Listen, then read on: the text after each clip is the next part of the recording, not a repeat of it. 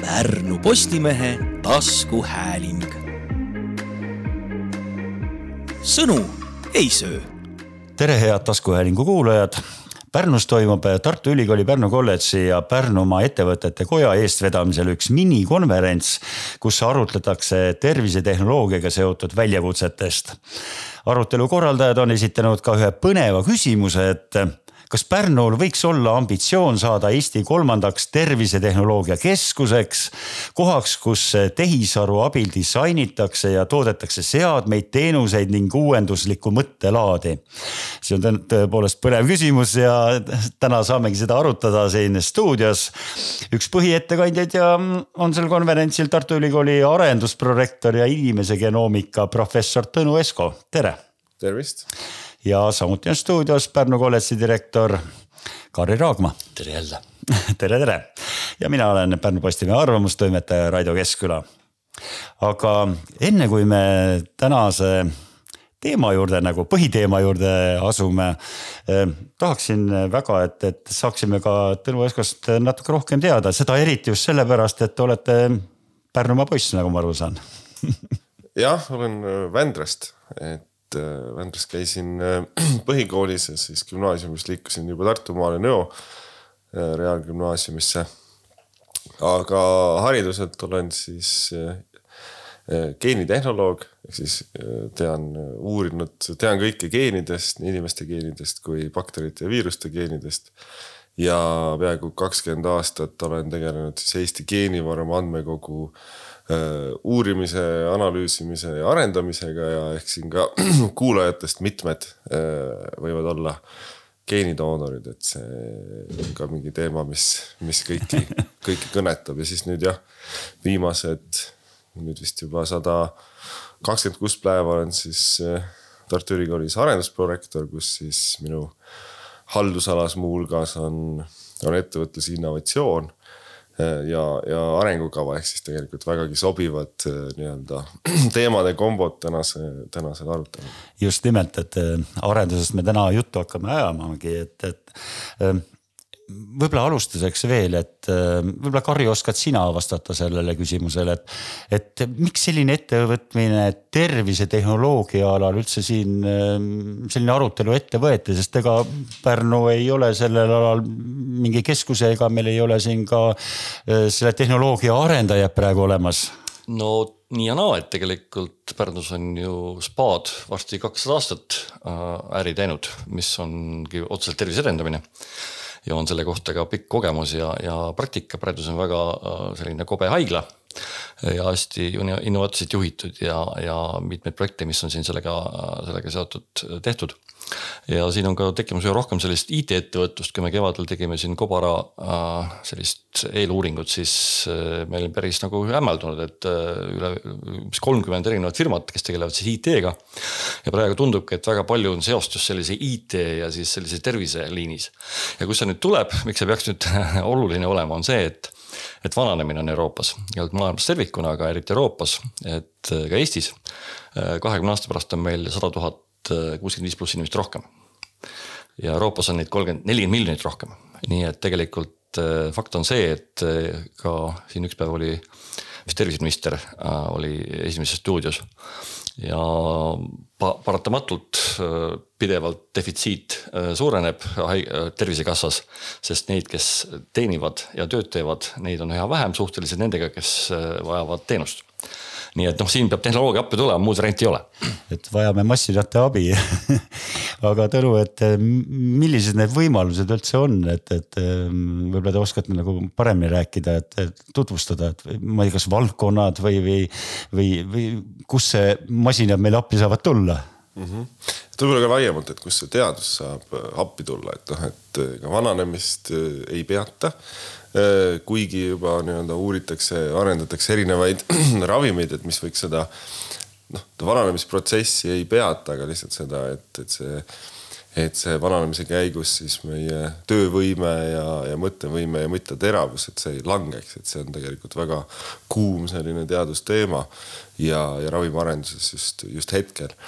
aga nagu Karri väga täpselt välja tõi, siis tegelikult jah, see on üha kasvav probleem, et noh, et ei ole neid maksumaksjaid, kes siis suudaks või noh, kes siis panustaks tervishoiusüsteemi, et, et siis seda vananevat ühiskonda äh, üleval hoida ja tegelikult see on Eestis noh, lähiaastate juba väga lähiaastate probleem, et tegelikult ei jätku raha.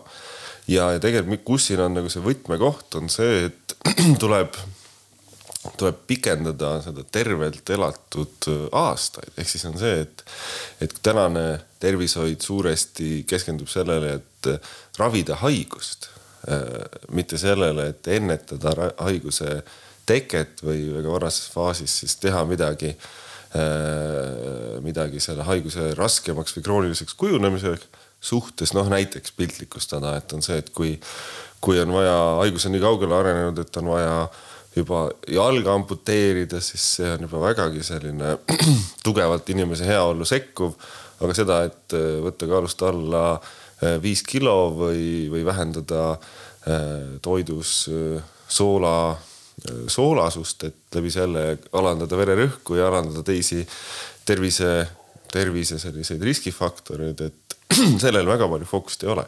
ja nüüd, kui küsimus on, et kus siis see tehnoloogia tulebki appi, et tegelikult tehnoloogia tulebki appi seal, et olla selline, kuidas öelda, tark kaaslane et aitab meie eest jälgida siis neid äh, erinevaid äh, tendentse või, või soodumusi, millest, äh, millest hoiduda ja noh, ja lõpuks noh, päeva lõpuks on seal ka geenid olulised, sest eh, noh, me inimestena oleme erinevad, meil on erinevad nii-öelda sellised põhihaigus soodumused ja, ja, ja mõnel on võib-olla just oluline langetada see viis kilo kehakaalu, aga teisel just jälle eh, viis kilo juurde võtta, et see nagu oleneb ka sellest, et mis on need põhi, põhihaigused Karri tahtis väga lisada ja, midagi. siin on nüüd ja. veel, et me kutsusime täna ka kõik hooldusettevõtete esindajad kohale, sellepärast et et kui see vananemisega seoses on ka neid kliente rohkem, mis muidugi nende ärile on hästi, aga samas ühiskonnale on see äärmiselt äh, suur kulu ja tänu nüüd uutele tehnoloogiatele, just teatud vidinatele, sensoritele on võimalik inimestel elada täisväärtuslikku elu kodus edasi, ei pea minema hooldekodusse.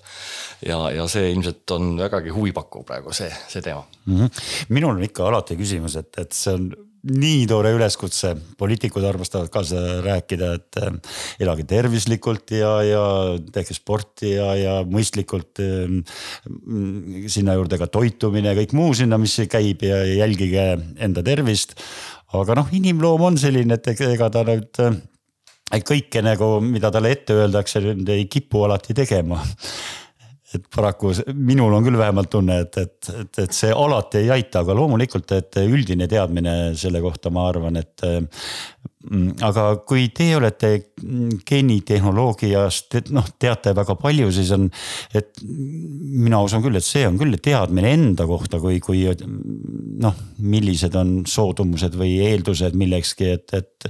aga kas me praegu saame seda ka kuskilt, kas mul on näiteks võimalus teada saada enda kohta mingeid selliseid andmeid või?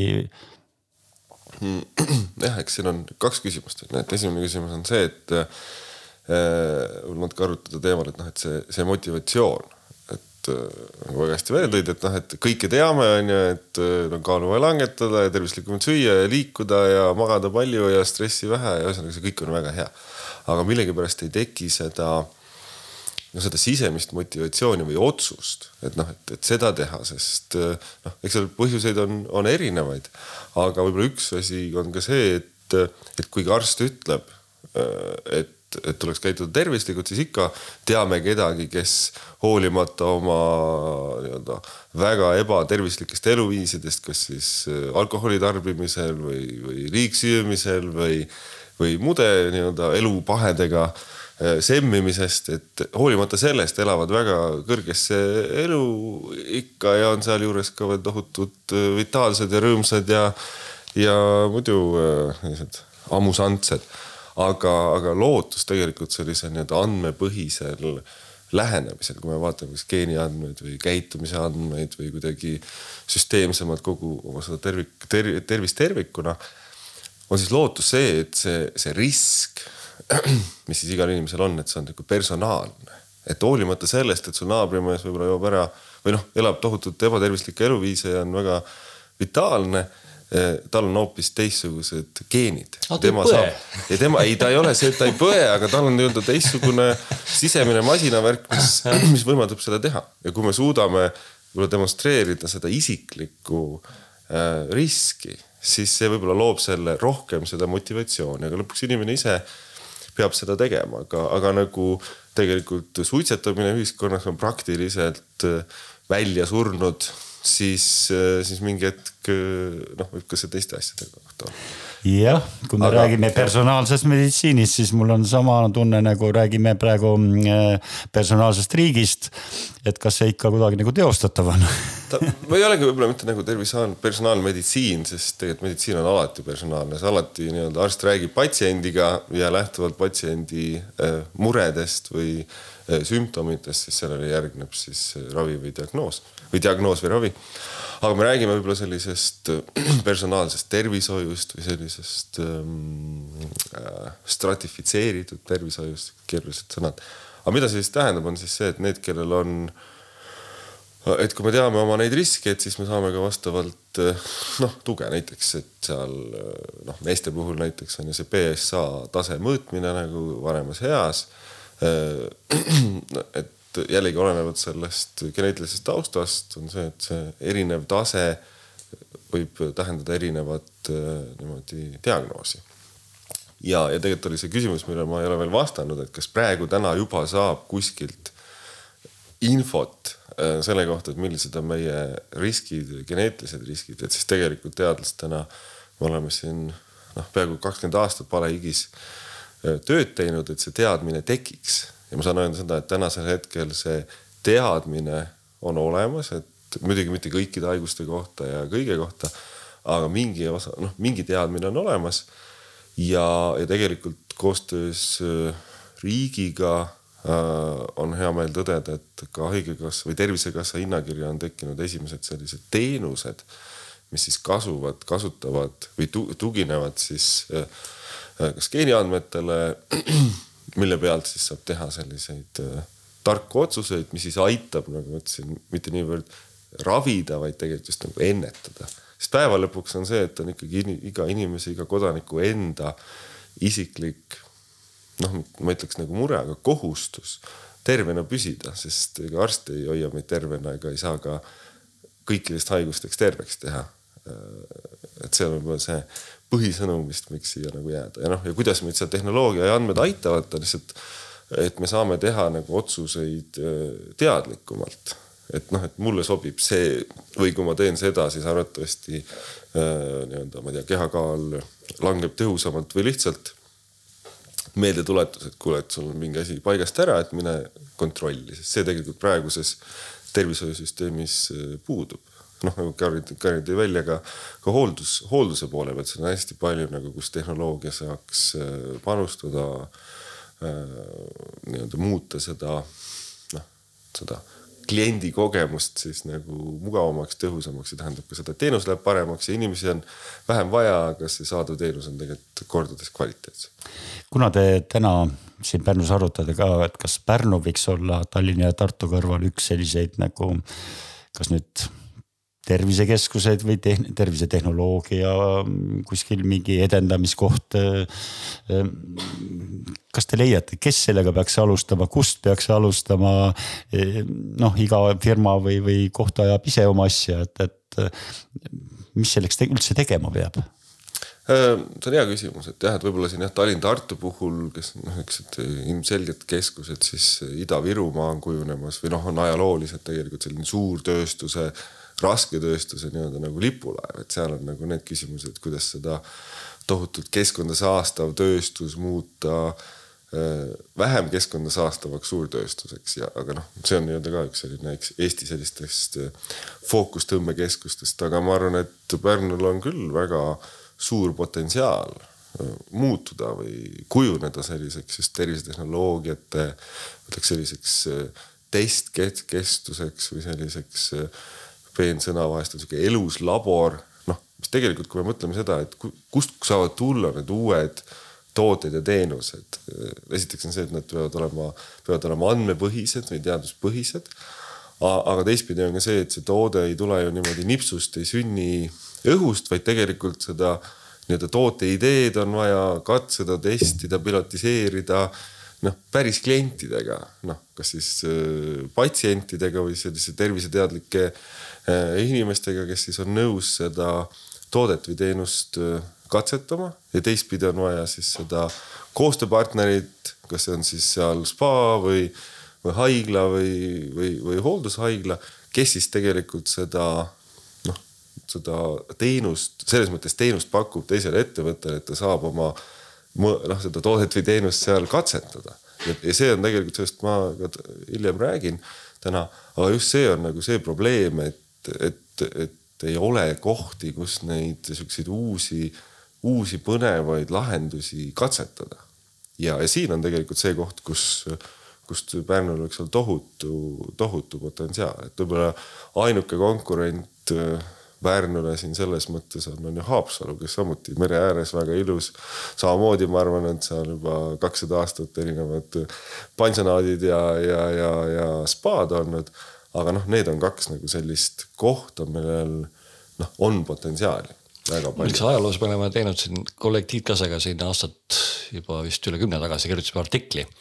Äh, ja seal äh, võrdlesimegi selle kolme spa linna äh, sellist kujunemist ja Pärnu eelis oli alati see, et aa, siin oli tööstus, siin oli eelarve taga ja linn oli suurem ja suutis siis, kui linnapead tahtsid, suutsid teatud asju ikkagi täiesti teise hooga käima lükata, nii et selles mõttes ajalugu võib jälle korduda. jah, et meie spaadel ei ole ju ainult see eesmärk, et, et saad kuskil talvel suplemas käia vannis, vaid põhi, noh on ka otseselt mõned ennast nimetanud ravispaadeks ja, ja tegeldaksegi nagu ravi, ravimise või, või siis ütleme, tervise turgutamisega nagu mingid teadlikud tegevused. nõukaajal oli tõsine vabrik, kakskümmend neli vahetust aastas aga ma ei tea, Karri, võib-olla on mingit teadmist selle kohta ka, et kas meie, ähm, meie spaad nagu on kasutusse võtnud ka nagu tehnikat mm, sellist. nagu, nagu olen kuulnud ikka üht ja teist ja kolmandat, aga. ja siin mõned aastad tagasi, kui me, nagu kui me käisime, see oli äkki Tervises siis või ma nüüd võin, äh, vist oligi Tervises. siis oli seal näiteks äh, Balteco teatud moodulid, et kuhu siis inimene pisteti sisse ja siis selle inimesega hakkas seal midagi juhtuma. ja Balteco just testis äh, neid spa, kuna see on see klastri efekt, et kui sul on tehas lähedal, kes saab oma aparaadi tuua sulle katsetada, siis see konkreetselt selline kaasus ka juhtus, eks ole, et. et no aga sellest on... ma räägingi, et yeah. uued on ju tehnoloogiad, et sul peab olema see koht, kus sa saad kohe seda mm -hmm. noh tagasisidestada, et kasvõi seda, et kas masin ja. töötab või kas masinat käidelda on mõnus, aga teistpidi, kas seal kapsli sees olla on nagu ka mõnus. just see tein... on see, millest ma nagu. jah, ja teine asi on see, et ega siin peaks nagu globaalsed mõõded ka olema, et palju neid asju Eestis jõutakse välja mõelda, et, et ilmselt on kuskil väga suured ülikoolid, väga suured äh, eraettevõtted, kes mingisuguseid asju välja mõtlevad, et. et just nagu, nagu te mainisite, et katsetamise koht, et, et just. võiks olla et.... jah, ja siin on nagu kahtepidi, et ühtepidi ütleme nagu tervisetehnoloogias või tervises, et olla selline elujõuline ja tulevikukindel ettevõte, siis tegelikult sellest küll ei piisa, et sa lihtsalt nii-öelda oma seda toodet pakud Pärnu ühes spaas, noh, see ei ole nagu eriti tulevikukindel. mm ja see ei ole ka noh, kapitali mõttes nagu rahastatav. et tegelikult äh, ikkagi vaadata tuleks nagu laiemalt ja mitte seda, et siis on ju Pärnus teine spa ka, vaid seda, et kas saaks ka Jurmala spaast ja saaks ka äh, Soomest või Rootsist või kuidas Saksamaal, et ühesõnaga see, see loodav toode või teenus peaks olema ikkagi selline, millel on eksportvõimekus ja, ja, ja ta on nagu unikaalne. Ja kui tal on eksportvõimekus, siis tähendab ka seda, et ta on kapitali suhtes atraktiivne mis tähendab seda, et siis saab neid eh, noh, ka investeeringuid siia nii-öelda kohalikku eh, ökosüsteemi eh, efektiivsemalt tuua. Mm.. ma loodan ka, et see üldine spa jaotus maailmas, et siin mõned aastad tagasi me tegime väikse ülevaate tudengitega ja siis oli üheksakümmend protsenti on selline wellness, selline tore ilus elu, rikastel eriti.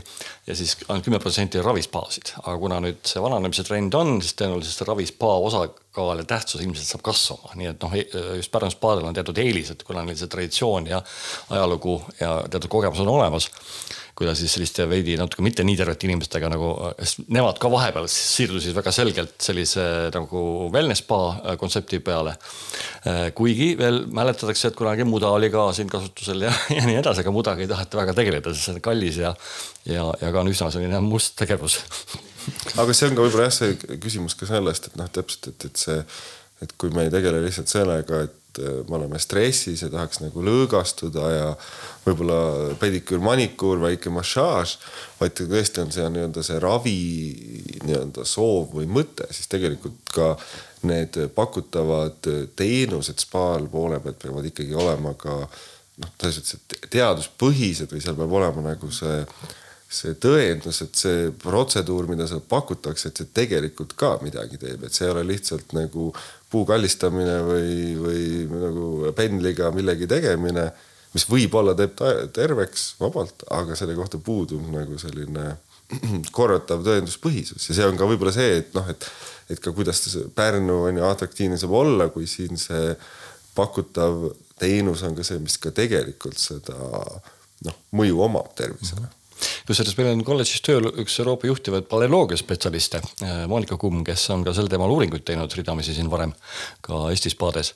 ja noh, tõsi jah, see ka see efekt, et sa kaks nädalat või nädala, nädal oled juba sellises meeldivas keskkonnas, äh, see aitab sul juba kõvasti paraneda. aga on ka selge, et on sellel keemial, mis seal vannis on, on see siis mineraalvesi ähm,, turvas näiteks või, või, või siis muda. et ka sellel on ikkagi teatud mõjud ja mingil määral on neid õnnestunud ka tuvastada minul on küsimus selle kohta, et ähm, mõlemad olete Tartu Ülikooli teadusinimesed, et, et äh, mis huvi on, peaks olema teadlastel sellise, sellise ettevõtlusvormi kohta, ütleme? Või, või, või selliste tehnoloogiate, et kas siin on nagu mingi seos või koostöö või ma nagu väga tahaks seda näha või kas keegi küsib abi või, või, või teab? Eh? no eks teadus, eh, noh, me ütleme, et eh, sa saad seda, mida sa mõõdad ja samuti nüüd sa saad mõõta seda, mida sa teed. et kui ikkagi praegu selgelt on riigil ja Euroopal tervikuna on huvi lükata sellisesse rakendusuuringutesse, mis ka probleeme lahendavad, rohkem vahendeid sellise Horizon'i või siis muude projektide raames. ja on selge see ka, et teadlastel on selle vastu huvi tegeleda ja noh, sealt on suht lihtne, noh lihtne ei ole, kui sul on teatud sarnane kvalifikatsioon mõlemaga tegelemiseks, üks on puhas teadus, teine on selline rakenduslikum natuke. ja nad omavahel alati on ju põimunud, sellepärast et ei saa olla nagu head rakendusteadust ilma, ilma baasteaduseta.